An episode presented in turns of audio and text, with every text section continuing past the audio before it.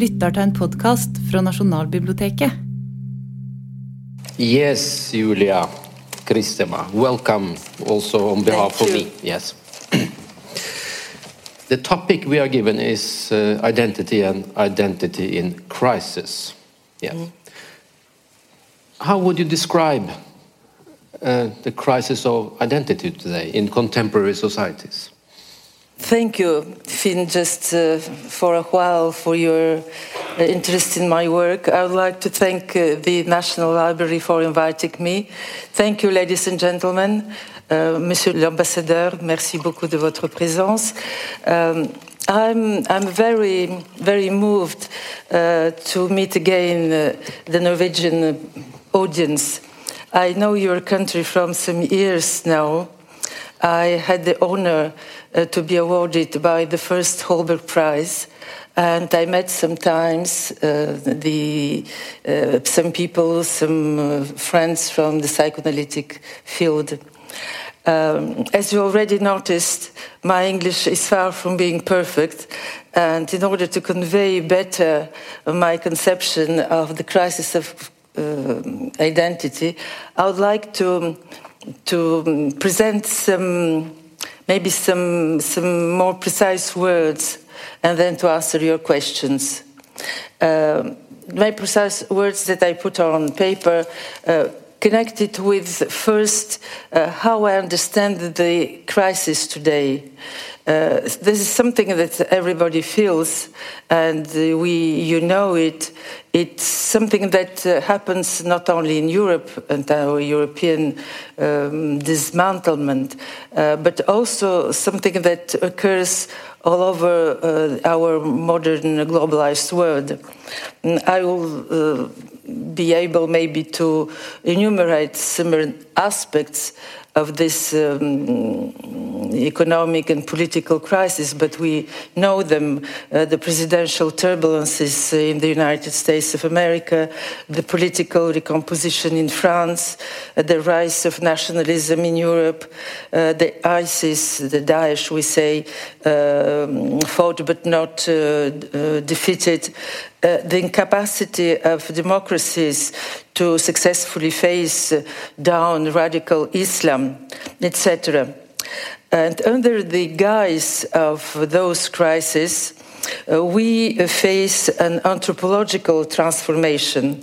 Uh, this is uh, which is in uh, uh, underway. Some rejoice, others fear a new apocalypse.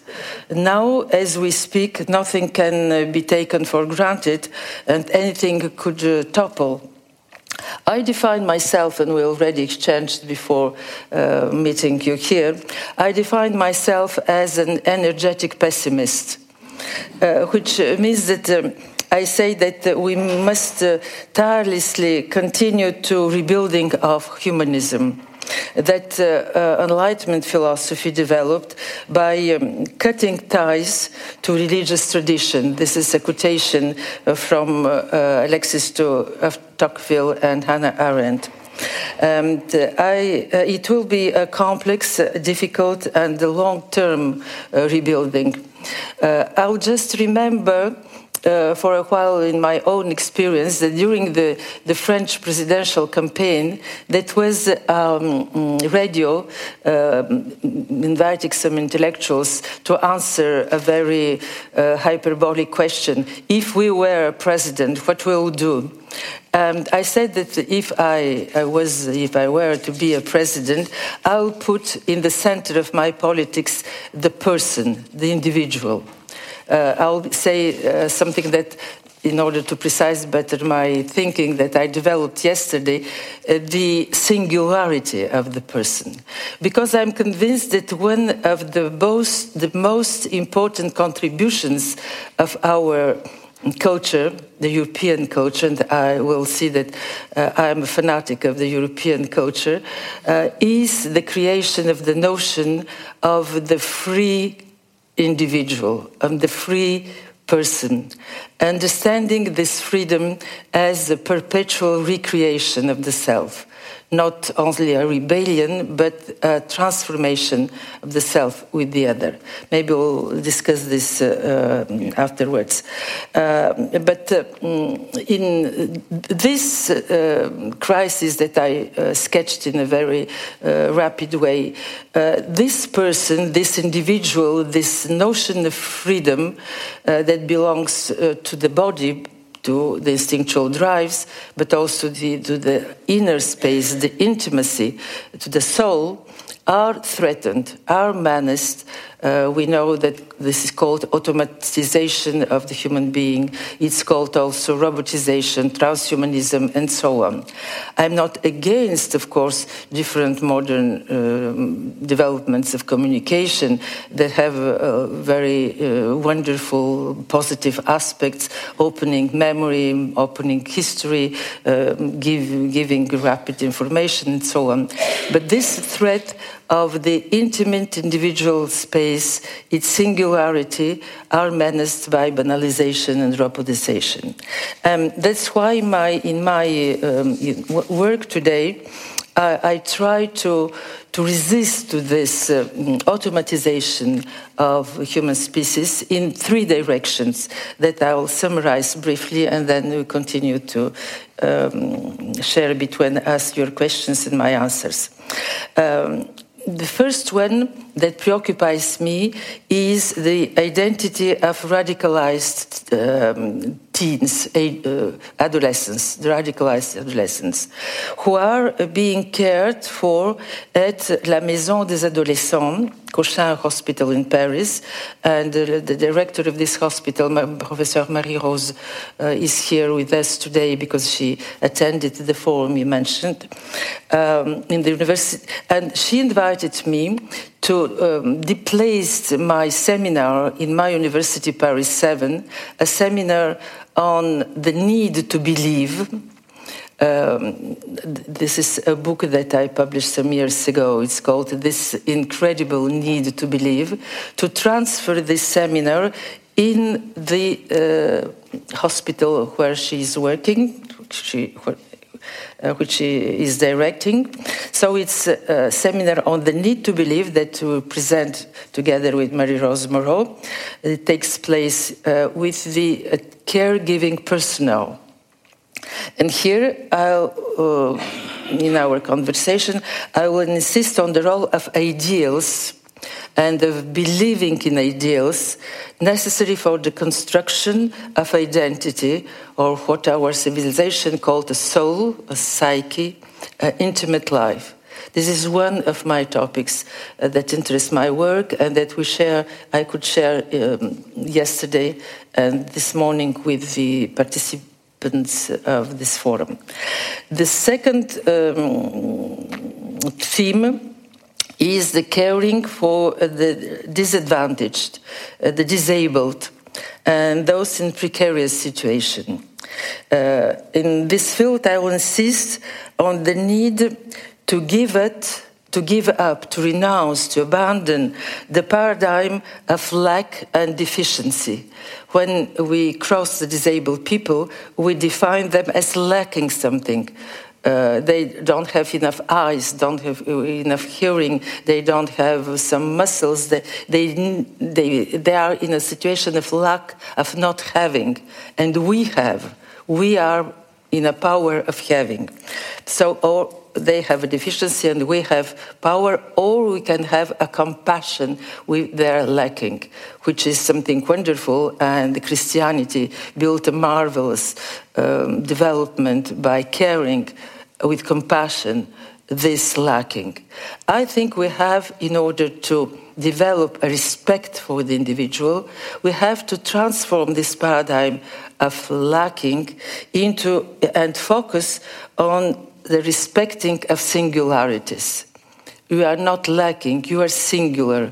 And when saying this, although you have a deficiency, I insist on your capacity to transcend them and to be in connection with me through new languages or through some kind of behavior that will change our social acceptance of what is needed and what is normal. And my um, third uh, problematic is connected with the second, uh, connected to my approach of uh, identity, um, is my conception of freedom, uh, which is seen very often as a choice or a transgression.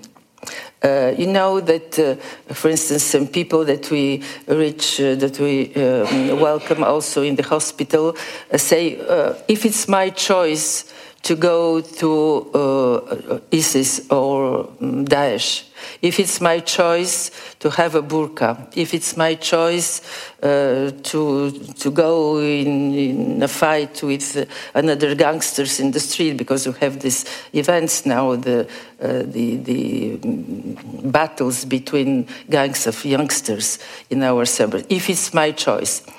And others will say, my um, freedom is the transgression. You have norms, but I don't belong to those norms. I come from people that have been colonized before, so I have to aggress the, the power. I have to transgress your power.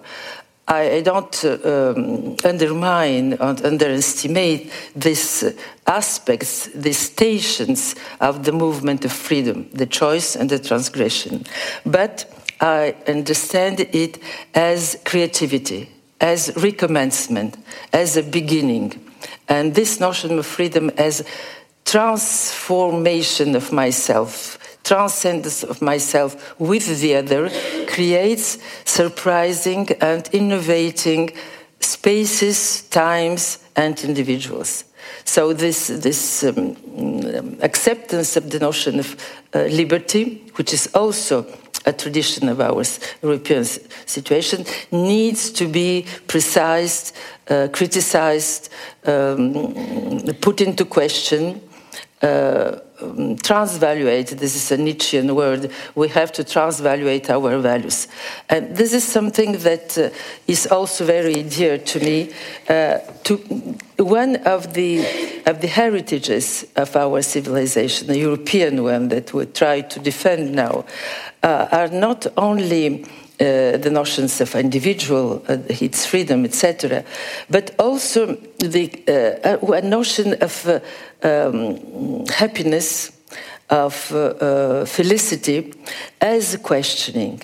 And I found this in two very, very divergent thinkers, uh, Nietzsche from the one hand and Hannah Arendt on the other. And I finish with this to um, invite you to ask me some more precise questions, but I would like to just make the panorama of my uh, thinking today. The one is Nietzsche saying that. Uh, we have values, I'm summarizing and sketching, but uh, the um, challenge now, in the end of the 19th century, but it's still uh, currently very urgent, um, we have to put a great question mark on the places of the most great seriousness. And those questions, Mark, what are those questions of most interesting seriousness? It is the individual, it is the community, and it is God. We have to question them. And we, this is the, the capacity of our civilization, says Nietzsche, but it is already uh, in St. Augustine. It's, uh, it's something going throughout uh, our culture that has been forgotten, that has been transformed into, into dogmatism, into different kind of uh, totalitarianism also, but is still in, in the ADN of our culture. And the, the last one who speaks in this sense is uh, Hannah Arendt in her work against totalitarianism. I'm coming from a totalitarian country, as you know, and I was very uh, attentive to what she has done, questioning the sources of totalitarianism, uh, saying that totalitarianism begins when uh, we, we, become to ignore uh, the capacity to think. And then we, you ignore the capacity to live the capacity to, th to think is abolished, is dogmatism, and capacity to live is also abolished, it is gulag. So she, once people ask her, uh, Madame Arendt, you are so uh, bright, you work so much, um, you are not tired. and she said, There is only one felicity, is the felicity of thinking. So this is also a, a tradition in this civilization. And it's very uh, interesting for me that it's a woman that said this. So I stop here, but please uh, ask me your precise questions. Yeah. Thank you, and thank you for giving us a kind of platform for mm. ways of thinking mm. about identity. And actually, I have brought this book. Uh, I find it as a very fascinating topic, but also a fascinating title. This incredible need to believe. Mm. Um, when you're talking about identity, we we very quickly think about the adolescent, uh, the young people, mm because they are in a kind of changing their lives, mm. both bodily and mentally. And could you say something about this incredible belief, need to believe for youngsters? Um, maybe I, I try to first um, mm, explain uh, how I understand um, this experience, which is called the belief. Mm. Um, I, I, began by being a linguist, and my professor in linguistics um, is. Um, was he died some years ago now? The professor Émile Benveniste, who is very known uh, scholar in Indo-European languages. And it's a, wonderful book of him, um, vocabulary of Indo-European institutions. He tries to analyze our Indo European institutions, for instance, nation, family, mm, church, etc., uh, etc., mm, through etymology, through language. And he uh, picks up the word of uh, uh, believe, credo in Latin. The, racid, the, the, root of it in Sanskrit is cred, srad, Cred beginning start in Slavic languages. Cred in the Vedic texts, uh, the Vedic poetry, uh, designates the act of, in which the believer gives his heart or his uh, physical force to somebody else, which is the priest, for instance, and in, in, in, in expects a retribution I give you my heart and I expect uh, that you'll give me something else which is enormous. I believe, I hope that it'll be enormous. Uh, and in our religions, uh, be it um, even in the Greeks, polytheism, but uh, Judaism, Christianity, and uh, in the Muslim religion, as far as now, the last one, uh, what is expected is eternity it's the, the, immortality. I give you my heart and I expect immortality. And this, uh, mm, this uh, uh, interaction uh, in which I give something, I expect retribution, uh, becomes credit uh, I give some money in the bank and I oh, yes. hope to have mm. something more, something else. And you know that all of them are in crisis today. The banks do it. The banks, uh, financial uh, yeah. market, and so on. Uh, but uh, what um, Benveniste says that uh, this notion of mm, giving and away, awaiting recompense uh, had become in modern languages investment. Um, credit investment. And uh, Freud, and I come here to my um, vocation and my my business I have, which is my my work now, a psychoanalytic um, approach to to human experience. Uh, this uh, um, investment uh, is the basis of the relationship between the self and the other, the basis of the construction of the psychic apparatus that allows us to speak and to have uh, um, a capacity to think and other kind of creativities. So this between the two the basis of, of the uh, relationship between the one and the other is this capacity to invest, to have a credit in somebody. Uh, and this, in the psychoanalytic experience, and I reach the second aspect of your question, uh, we Freudians, we find two uh, events in the development of the child uh, when this investment of the other uh, takes anthropological um, behavior. So here I'm on an anthropological basis, which underlies in me, for me, the religious one. And I'll not leave this basis because it's the field in which I have more experience than in analyzing theology. So these two events are uh, what Freud called the oceanic feeling between the child and the mother. The first, the early relationship between the child and the mother, when uh, there is a sort of osmosis between the two, and the child is in the situation of being held. Uh, it relies on her. But he's also um, menaced, threatened to, to be drawn, to be killed, to be abandoned.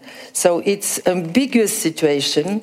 And I found this kind of losing frontiers and being exaltated but also threatened in some mystical experiences. And even with somebody like St. Teresa of Avila, who is not a ascetic, she's a very joyful woman, but this situation of um, being transcended in joy and threatened to death is something that she um, points in her points out in her text. Yeah, in Norwegian, den oceaniske følelsen.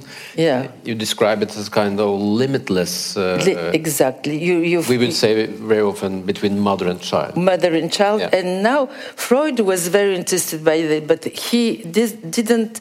Uh, make an enormous work in this early uh, mother-child relationship. It's the post-Freudian, Yeah. particularly Melanie Klein and others. And now, although, and I know you are interested in this, there is a crisis also in psychoanalytical thinking. Although there exists such a crisis, but there is also uh, development and research and it, it, uh, it is uh, research precisely on this early mother-child relationship. So uh, I, developed in this field my notion of mother-child uh, reliance um, uh, for osmosis, but in which a very important movements of negativity, of destructiveness are involved. And everybody here uh, knows that with our mothers we have a lot of love, but also a lot of hatred. And it's uh, a, a crazy thing. The, the maternal foolishness is also well known. So these aspects uh, are um, internal to this maternal relationship. So this is one of the stations of the need to believe that we reach in analyzing our patients. And the second one is the early attitude, the early relationship between the child and the father. And I would like to, to stress this a little bit because people generally uh, acquainted with Freud, uh, when you speak about father, um, think of the uh, Oedipal, Oedipal father, the Oedipus complex, the father that um, is here to uh, put limits, to um, forbid, to make the law, etc. This is um, essential paternal function, but it develops quite uh, lately in the human behavior. And Freud very mm, precisely and very, mm, in a very condensed way mm, advanced something that we develop now in this field of research in psychoanalysis. He speaks about what he calls the father of the uh, personal prehistory. Um, and he calls he's the uh, father of the prehistory, the prehistory that has the sexual uh, qualities of the two parents, is masculine and feminine. This is somebody who loves you, who recognizes you, but it's not uh, yet and not only a um, tactile, sensitive um, cooperation or interaction. It's a recognition through the voice, through meaning, uh, a third part that intervenes in the oceanic feeling. The father that recognized me and I recognize him. And Freud says that is the dawn of idealization. Yeah. The ideal ego begins this. I want to be like somebody else, the third part. So this, uh, this is something uh, important for me because here we are in dimension of believing. They are very strong as emotional experiences, and that involve the third person, mother and father, in the this kernel organism of our society, which is the family. And this is not um, belief in the sense of hypothesis. I believe that will be raining. I believe that uh, uh, there will be the strike, etc. Uh, this is um, a truth that is inevitable, that falls to you as something um, overwhelming, without which we cannot continue to live. And everybody knows such kind of events in our love uh, um, links or in situation of uh, distress, etc. There are some uh, existential positions that are um, inevitably necessary for living. Uh, links, con convictions, experiences.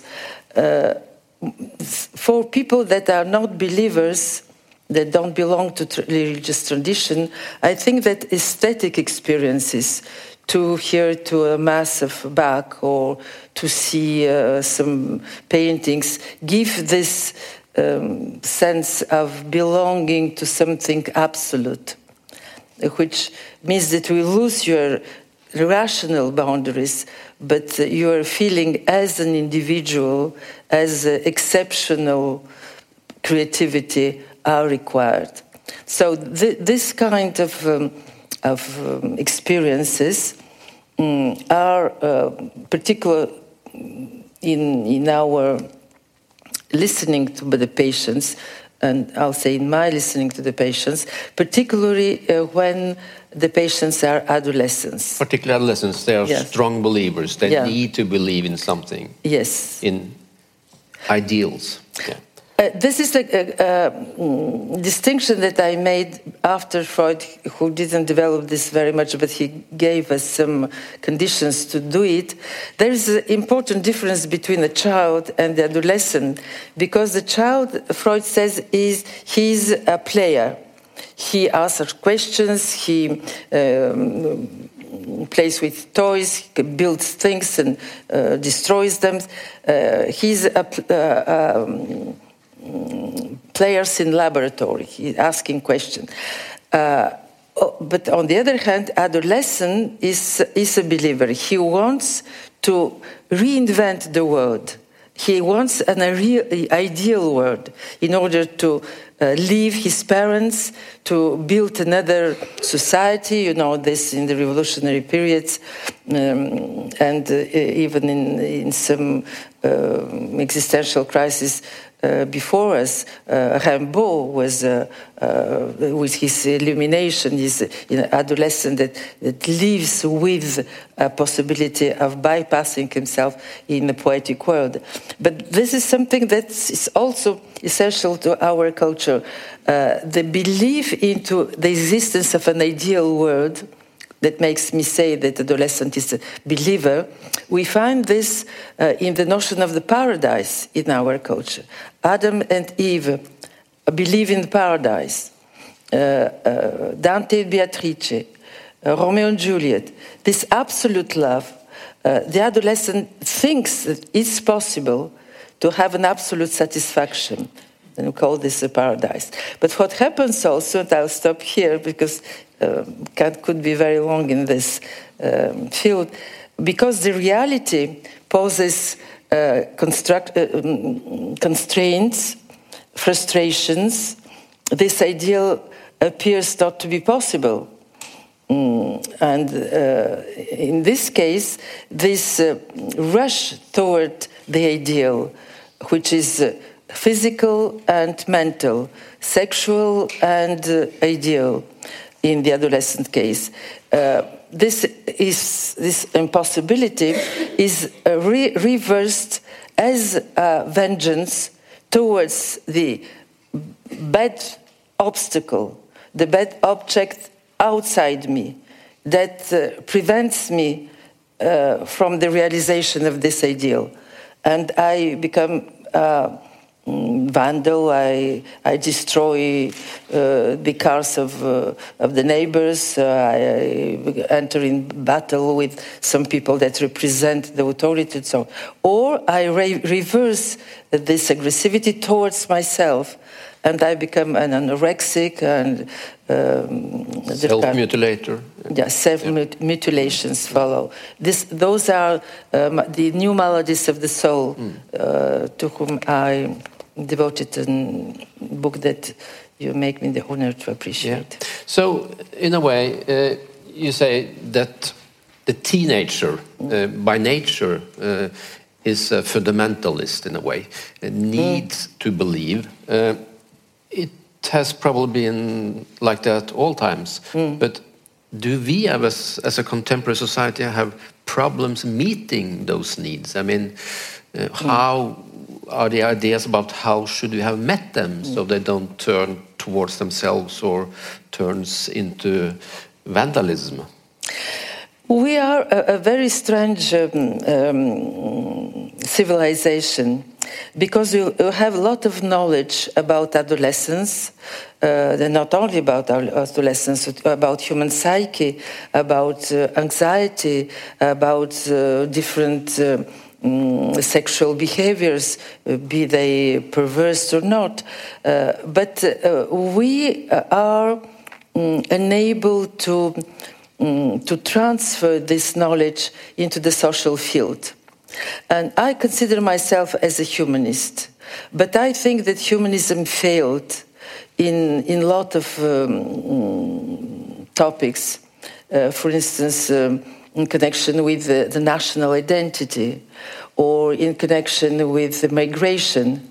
But also, uh, coming back to our topic, we failed in the recognition of adolescents, um, how to say, maelstrom, the, the, this uh, vortex, this complexity of adolescence. Although we know about it, Marie Rose knows it when people come to be healed, and you know this, we try to, to find the, the answer and to help them very often quite uh, fruitfully. But the social response is not uh, uh adequate. We are the only, the humanism, the secular humanism to, to, which I belong, we are the only civilization that don't have rites for adolescents. And a lot of, uh, of not believers uh, come back to their religion to make uh, bar mitzvah or uh, communions, etc., in order to, to put the, the, their teenagers in some mm, ideal, ideal frames. I don't think that we have to do this. It's, I don't make I'm not making a model.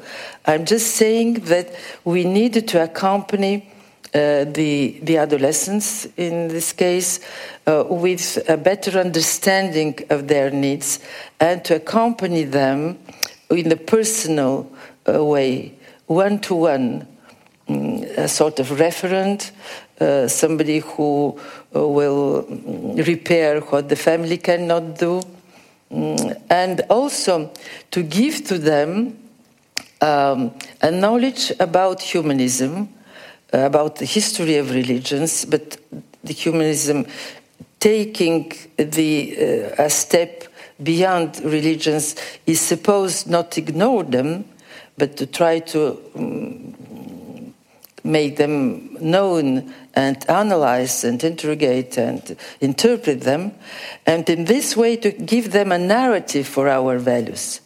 When you say to the uh, adolescents that we have liberté, égalité, fraternité, it's a sort of, of a program which is disincarnated. uh, behind this, there are a lot of battles, a lot of historical figures, a lot of narrative that uh, gave this, gave a, life and uh, a sort of flesh to these values. We are unable to, to transmit this. There is a lot of things to be do to be done in, in uh, schools, in education, but also in creating some new um, practices, some new functions. I say the referent, I don't know how to call it, but that will help the teachers and widen the scope, the ethical scope of the school, which is devoted to the transmission of knowledge, but uh, not enough to the transmission of values. I'm thinking actually of one thing, actually, say that we, uh, as as a social program, we frustrate them. I mean, um, we have been speaking earlier this autumn, mm. and on the background on um, fights in Paris, mm. uh, particularly from the banlieues, mm. forstedene, uh, where people uh, they are uh, beating each other, also killing each other. I mean, a kind of social frustration because these young people they don't get jobs it's mm. unemployment mm. but the other side i'm thinking of the concept of uh, authority i mean mm. uh, not being nostalgic about authority but lots of parents mothers and fathers and lots of teachers i mean mm. they have great problems of authority i mm. mean they don't have the authority towards these children mm. uh, we have a norwegian investigation in psychic mental health in young people and they're doing well in many ways, but mm. they are describing the parents, yes, we are good friends with our parents. Mm. Uh, so it's a kind of friendship more than a hierarchical relationship. I mean, parents themselves have problems, give authority to the children. You're right. It's an essential problem, and we have to. Uh, try to analyze the notion of authority yeah. um, in the in the family and uh, taking into account this need to believe the mm, the, the emotional links between uh, mother child father child etc um, i would say that if the um, paternal function the, the function of the educator is only the one who makes uh, limits um, poses interdictions, gives ideals in, in an abstract and uh, cool way. It will not work. Uh, it's necessary, but it not work it'll have to be uh, combined with uh, this uh, attitude of recognizing, of being keen with the anxiety of the child, etc. So um, the authority is based on the emotional comprehension. Uh, when you go to the church, you see uh, they, they speak the loving father. People are put in a situation of emotional uh, perception and communion.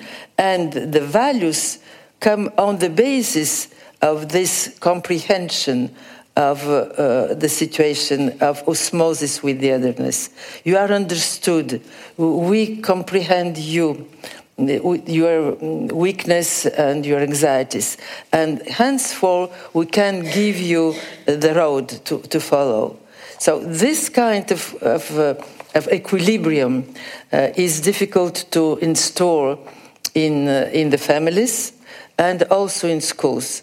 In schools, somebody sometimes we give them uh, some commandments, but they don't.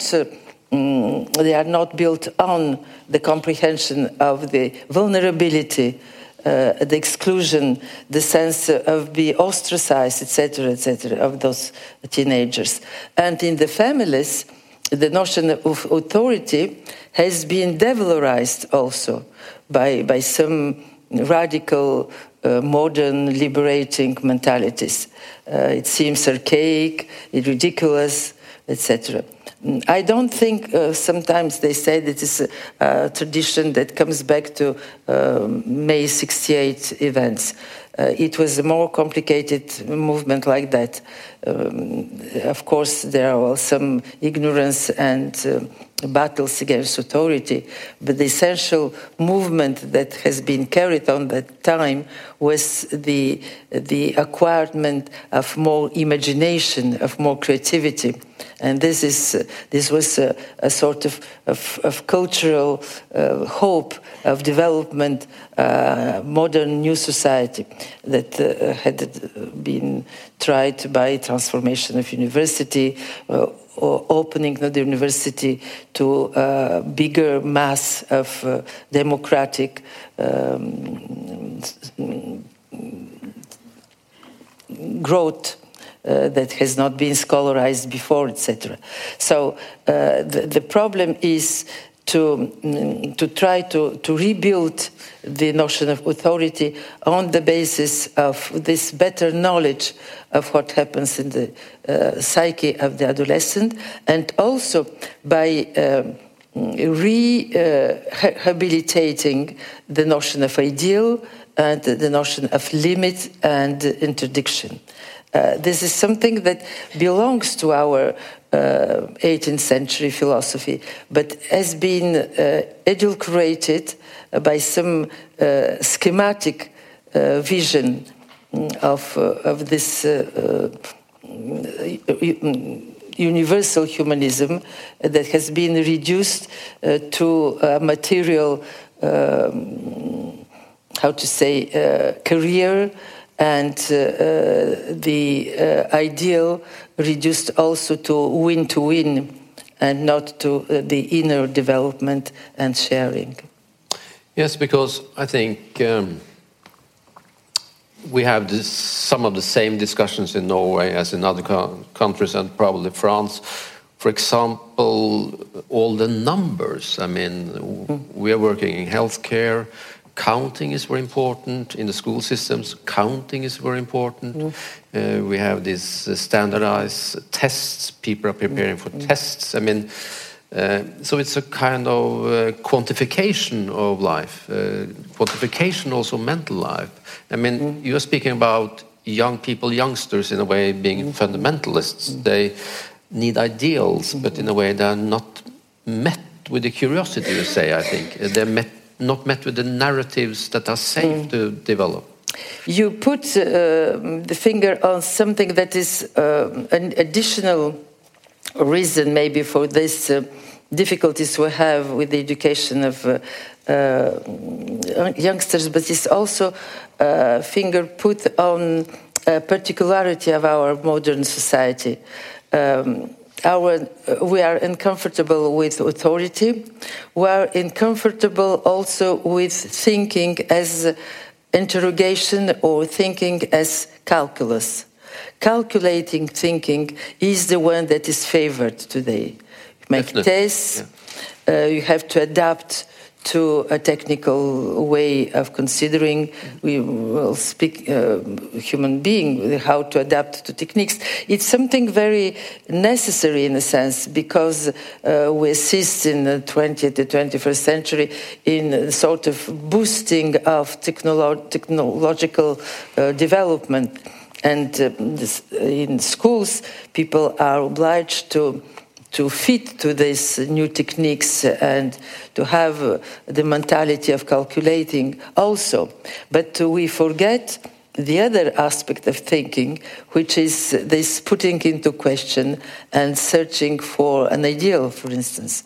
Yes. So, the, which we know, I, I had the honor to be invited as representative of the non-believing people uh, in the last encounter, uh, interreligious encounter in Assisi uh, by the Pope um, Benoit, uh, Benedict, Benedict XVI. Mm.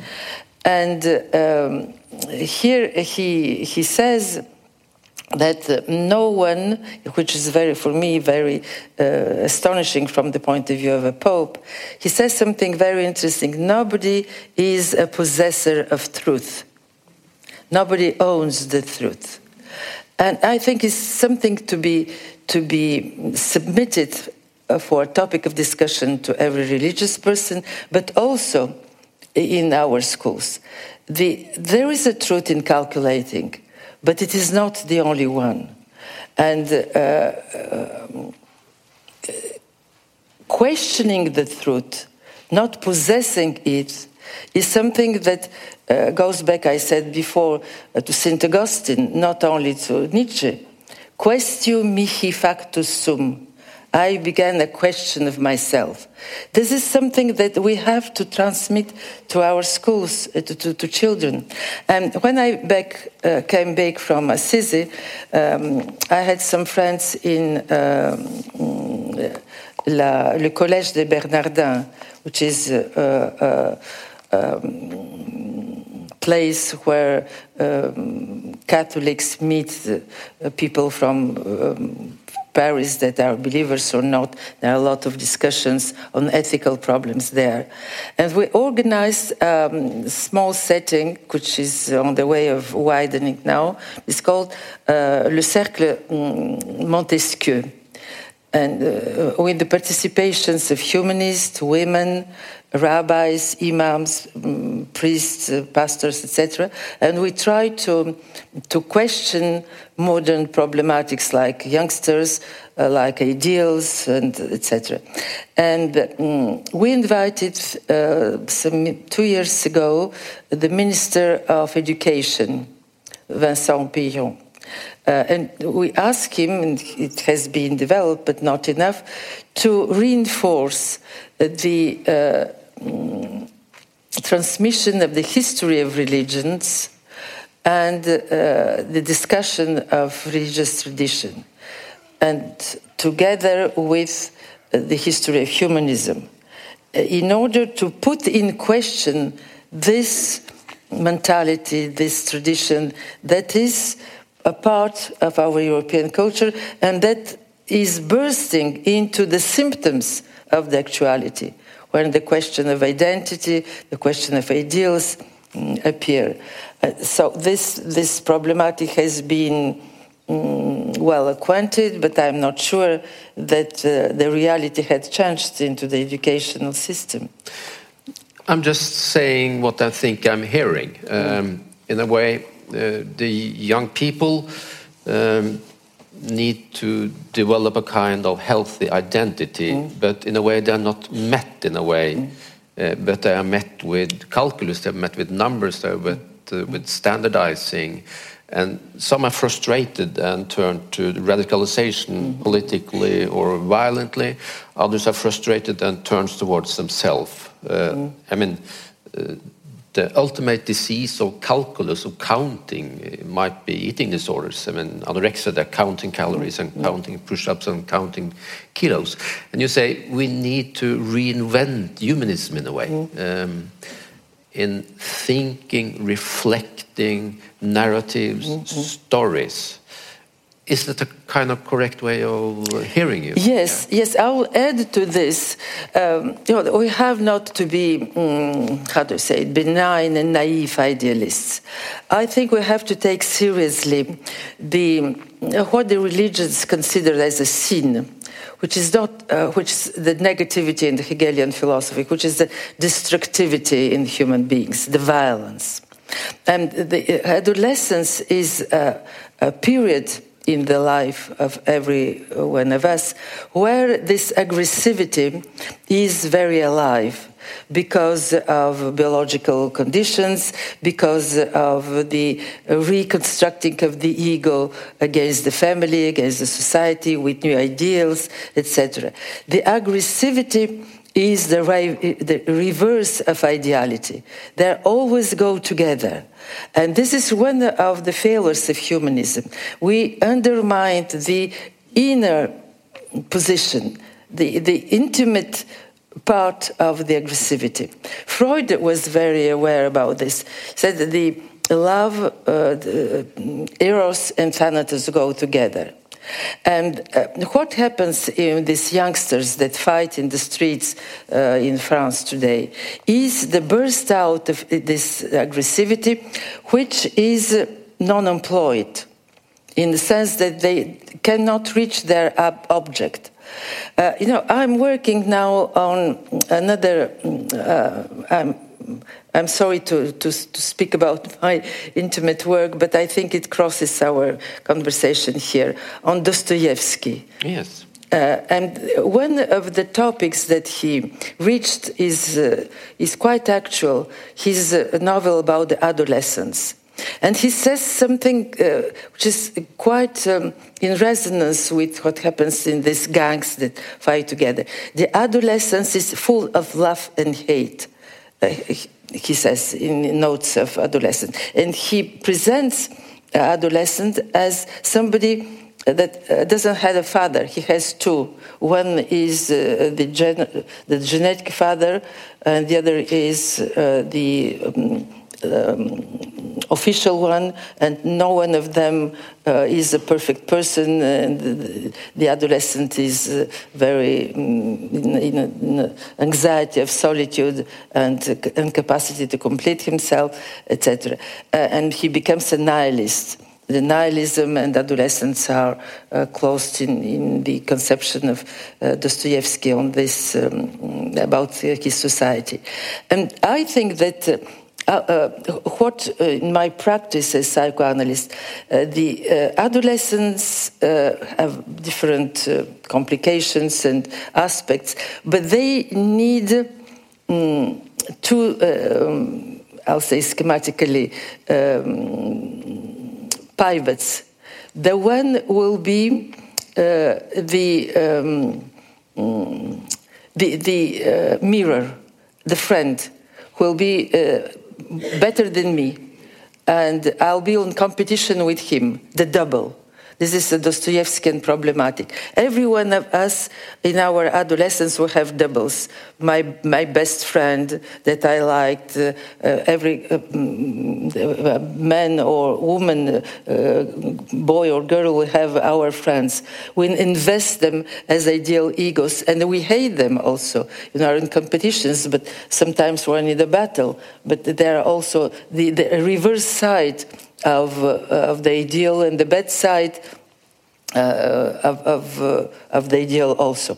So we have to we can experience with them this uh, ambiguity of mm, the uh, potion of life that arises in adolescence. And also, he needs uh, to invest this aggressivity not only in the mirror, but also in the community.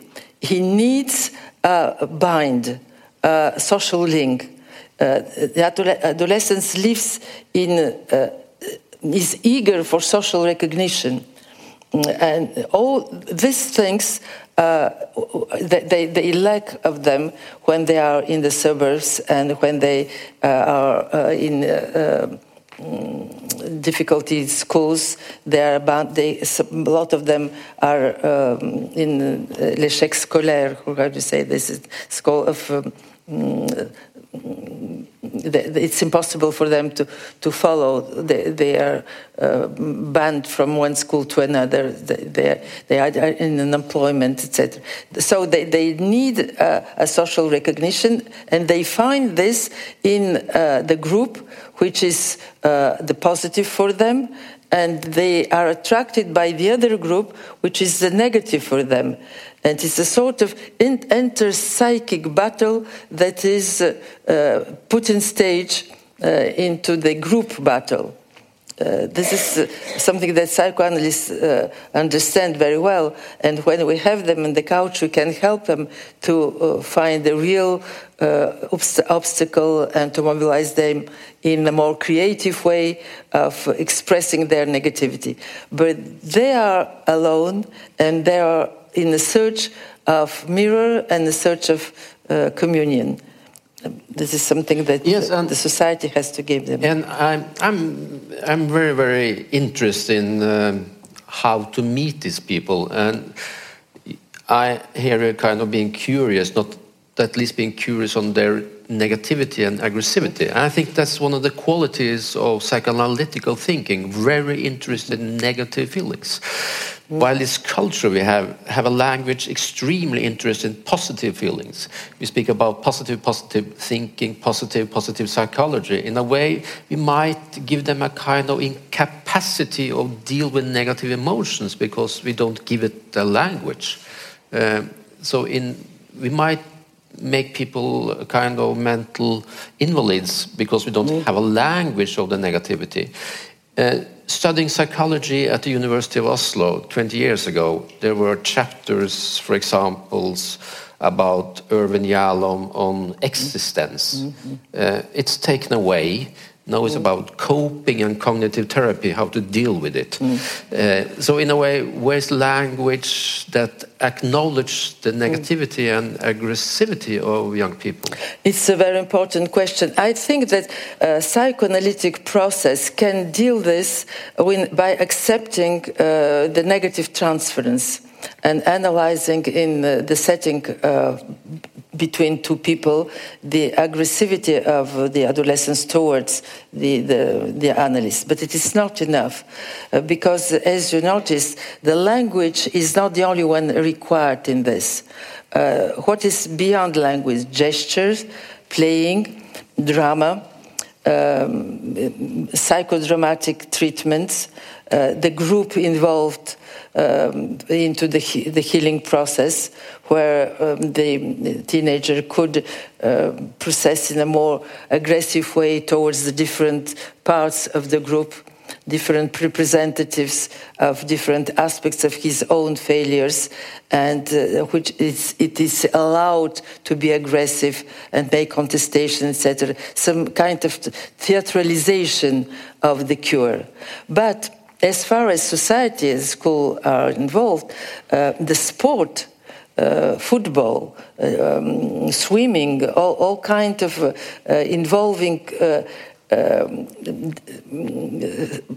emotional and body implication into some rules, but also the rules that grasp aggressivity and negative forces is something very, very interesting, to, which we do also uh, in, in the suburbs. But apparently it's not enough because um, it's done with uh, um, some uh, uh, footballistic teams that are well known. They, they are quite well surrounded by educators and social workers, and they, they understand how to, to play, but how to have some morals also and to belong to the, to the society and not to, to develop their aggressivities in mafia and drug and uh, other uh, connections. But uh, um, it has to be developed in, in a widest way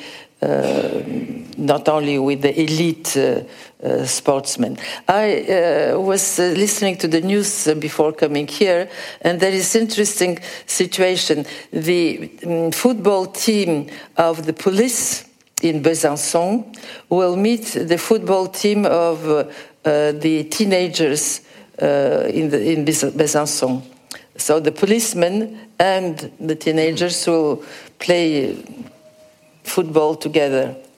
So hopefully with rules then. Yeah.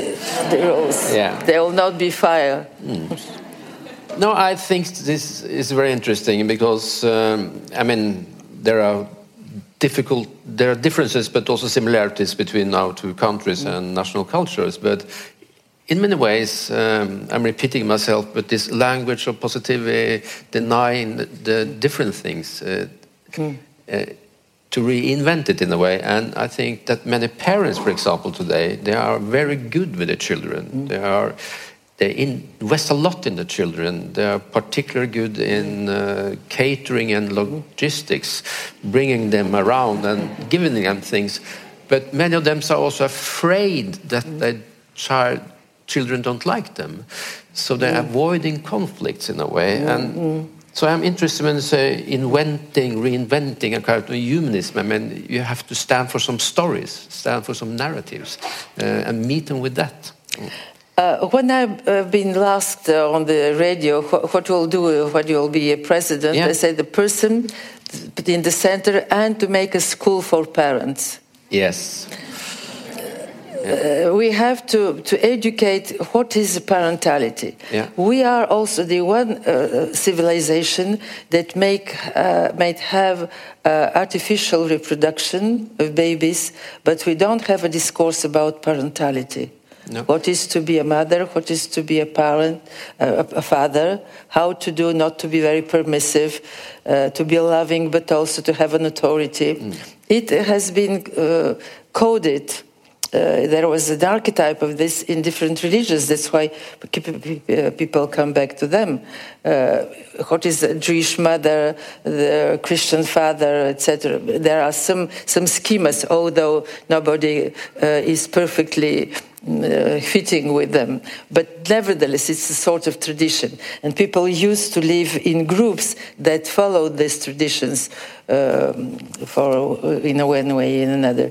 Now, the solitude of the families in the big cities, uh, the, the migration also uh, makes that the roots of, are cut with this. Uh, mm, setting that helped, in a sense, uh, for uh, understanding without knowing what we are doing what is to be a parent.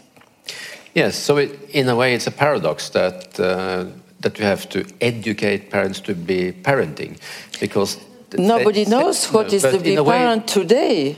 Because so we are cut off from historical and religious traditions. Mm. And because the society is violent, the society is calculating, the society uh, requires creativity but not, don't prepare you to have a soul.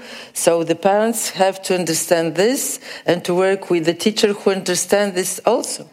I think we, the, the secularization need. Uh, maybe not lost uh, entirely, but uh, for two centuries we didn't uh, do an important work of um, optimization of the creativity of human beings. We, uh, we asked them to do a lot of things, to calculate, to, to be performing, to win prizes, but uh, we, we don't um, accompany the weakness and the anxieties and violence. We are both clinicians, so you know what we often say. We say, "Say more about that." Mm-hmm. we are about to finish soon. The times mm-hmm. runs very, very fast. But could you say something, Module, about? I mean, if you should educate parents. I mean, we are talking about identity crisis, but mm. Actually now we are talking about parental identity crisis. There how is- to be a parent. I don't, uh, well, uh, I'm not president of the republic. I don't have a program about this. But I think we, we have in France a thing that is called, is called l'école des parents. But it doesn't work well. People don't know that it exists. Uh, so um, it's, uh, it's a schema. It's, uh, it's um, good thinking, but uh, is, is not uh, efficient. Uh, I think we, we have to develop uh, all, all those people like you and me and Marie Rose and all these people that work with the adolescent crisis. We have to speak about this, to, to speak between us, uh, continue to discuss and refine this knowledge and complexify it to make it more and more um, connected with the, the reality crisis and the, the symptoms of this reality. But also, we have to try to intervene in the social field, to speak on the television, on public discussions, and uh, uh, in, in, to, to, in, in a sense to, to, to, to influence the political discourse and the responsibility of the political discourse about that. This morning we had a, an interesting presentation of uh, an English professor about the standards with which work political discourse. They have some standards that don't take into consideration the violence and the singularity of the person. So we have to, to demonstrate uh, to them, to the political discourse, the, the level on which we are, which is not the absolute, which is a, a laboratory and experience, a questioning, but to make those questions uh, becoming more popular, more political, more social. So a, a sort of recognizing of uh, the, uh, this uh, hyper-connected society and the place of political in it, and uh, not to be withdrawn in our intellectual el- elite um, conversations and uh, questioning, to be more audible in a sense. In the Norwegian discourse, I think there's a great interest in children, young people, adolescents. But the discourse is, to many extent, to a great extent, that they are victims. They are victims of body pressure. They are victims of school pressure, of academic pressure. Mm. They're victims in a way. And uh, listening to you now, I think, in a way, we are lacking uh, the language of their aggressivity. I mean, mm. they are not only victims; they are they are acting. Their aggressivity is a part of their belief. Yeah. Is the deceit part of their belief? Uh, is the, the other side? This the, the bitterness of the not achieved deals. I think there are symptoms of our weakness as a civilization, and I, am in a sense happy to see when there are such uh, dreadful events in France, the the government becomes aware of it they speak about that on the television. They try to, to propose some uh, measures. Nobody agrees with them, but nevertheless, uh, the debate continues. It becomes a, a, um, a social concern and not only uh, an accusation of uh, adolescents that uh, they are victims and have to be nice with them, etc. We have to propose um, jobs and better education, etc. But we have to deal with the personalities, with the particular kind of humanity that they represent, and which is ours. We're all adolescents when we are in love and when we are angry. Yeah. We're all Adam and Eve. So you have to, to care with them with this comprehension. I find this very stimulating. Um, we need to close up. I'm uh, supported in my ideas of thinking more about the negative things and not only the positives. Uh, last comments from you, Julia. I, am very happy to be in Norway because um, Eivind uh, Engebretsen organized this forum about mental care and humanity. And I think um, the place uh, uh, as Norway, where we have the impression that the crises are um, not so explosive they exist, but they are not uh, so explosive as, for instance, in France now in other countries, is a, a place where the attention to this problematic can be quietly thought, discussed, and maybe in these exchanges you can uh, try to find out the best solutions. And thank you first and to the audience being so generous for listening to us. Thank you. Thank, Thank you. you.